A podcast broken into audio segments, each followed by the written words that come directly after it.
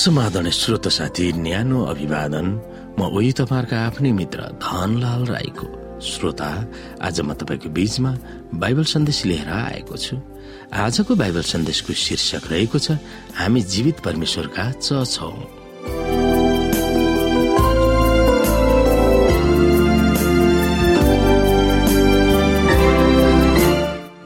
श्रोत साथी परमेश्वरको चर्चमा सहभागी हुनु किन महत्वपूर्ण र अत्यन्तै रहर लाग्दछ आउनु श्रोता हामी एफिसीको पुस्तक तीन अध्यायको एकदेखि हेरौं।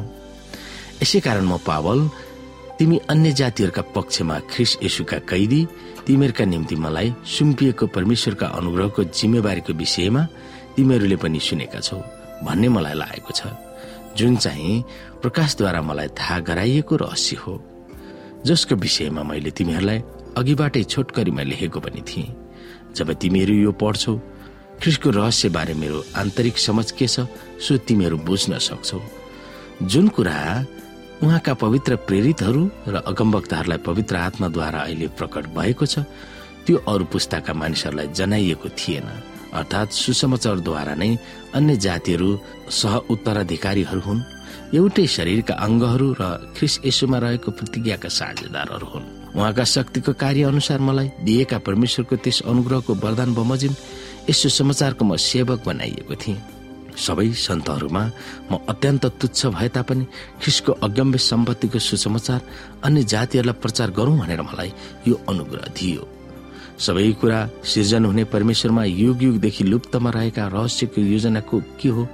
सो सबै मानिसहरूलाई खुलस्त गराउने अनुग्रह मलाई दियो ताकि यसरी मण्डलीहरूद्वारा परमेश्वरका विभिन्न किसिमका ज्ञान स्वर्गीय स्थानहरूमा शासकहरू र अख्तियारवालाहरूका माझमा प्रकट गरियोस्।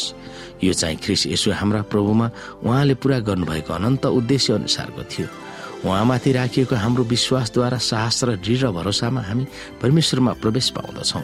यसै कारण म तिमीहरूलाई निवेदन गर्दछु कि तिमीहरूका निम्ति मैले भोगिरहेको कष्टमा तिमीहरू हताश नहो। यी तिमीहरूका गौरव हुन्। यसै कारण म पिताको सामान्य आफ्ना घोडा टेक्दछु जसद्वारा स्वर्ग र पृथ्वीमा भएको हरेक परिवारको नाउँ राखिएको छ।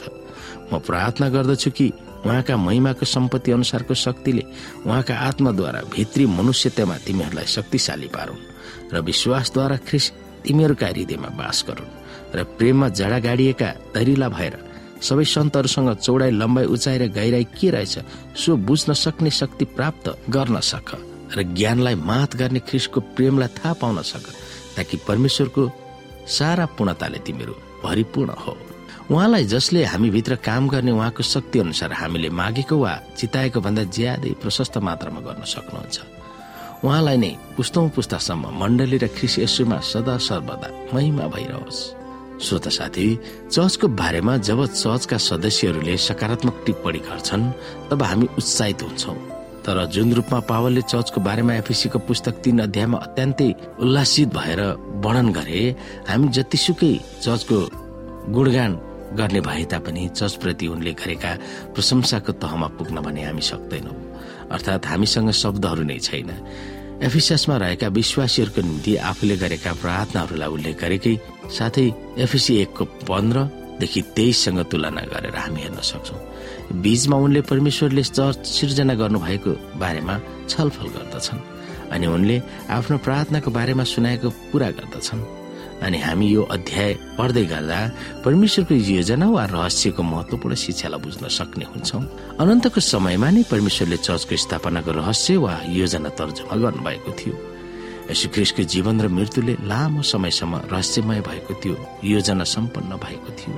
हामी एफिसी तीन अध्यायको एघारसँग एफिसी दुई अध्यायको एघारदेखि बाइसलाई तुलना गरेर हेर्न सक्छौ। चर्चको रहस्य र अन्य जातिहरूमा पनि त्यस चर्चका पूर्ण सहभागी हुन् भन्ने चकित पार्ने सत्य परमेश्वरले पावललाई प्रकट गर्नुभएको थियो।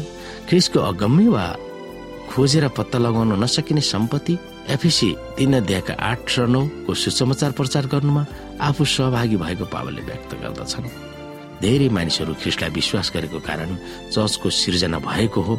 चर्च भनेकै दुवै यहुदी र अन्य जाति वा अयहुदीहरूको एकै थलो हो ताकि यसरी मण्डलीद्वारा परमेश्वरका विभिन्न किसिमका ज्ञान स्वर्गीय स्थानहरूमा शासकहरू र अख्तियारवालाहरूका माझमा प्रकट गरियोस् र दुष्ट बाटोमा नै रहन रुचाउनेहरूको निम्ति पनि अन्त्य हुनेछ भनेर चर्चले नै घोषणा गर्दछन्।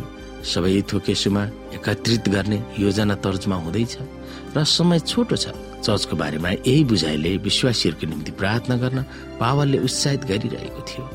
हामीले निम्ति हृदय छुने प्रार्थना पावलले एफिसी तीन अध्यायको चौधदेखि एक्काइसमा प्रार्थना गरेका थिए भनेर किन कल्पना नगर्ने?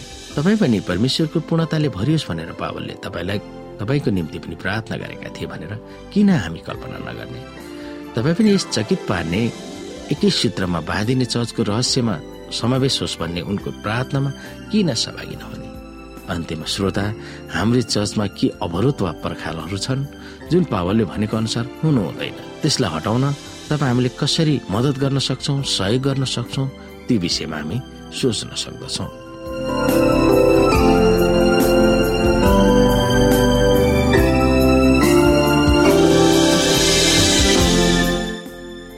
साथी आजको लागि बाइबल सन्देश यति नै। हस्त नमस्ते जय मसिंह।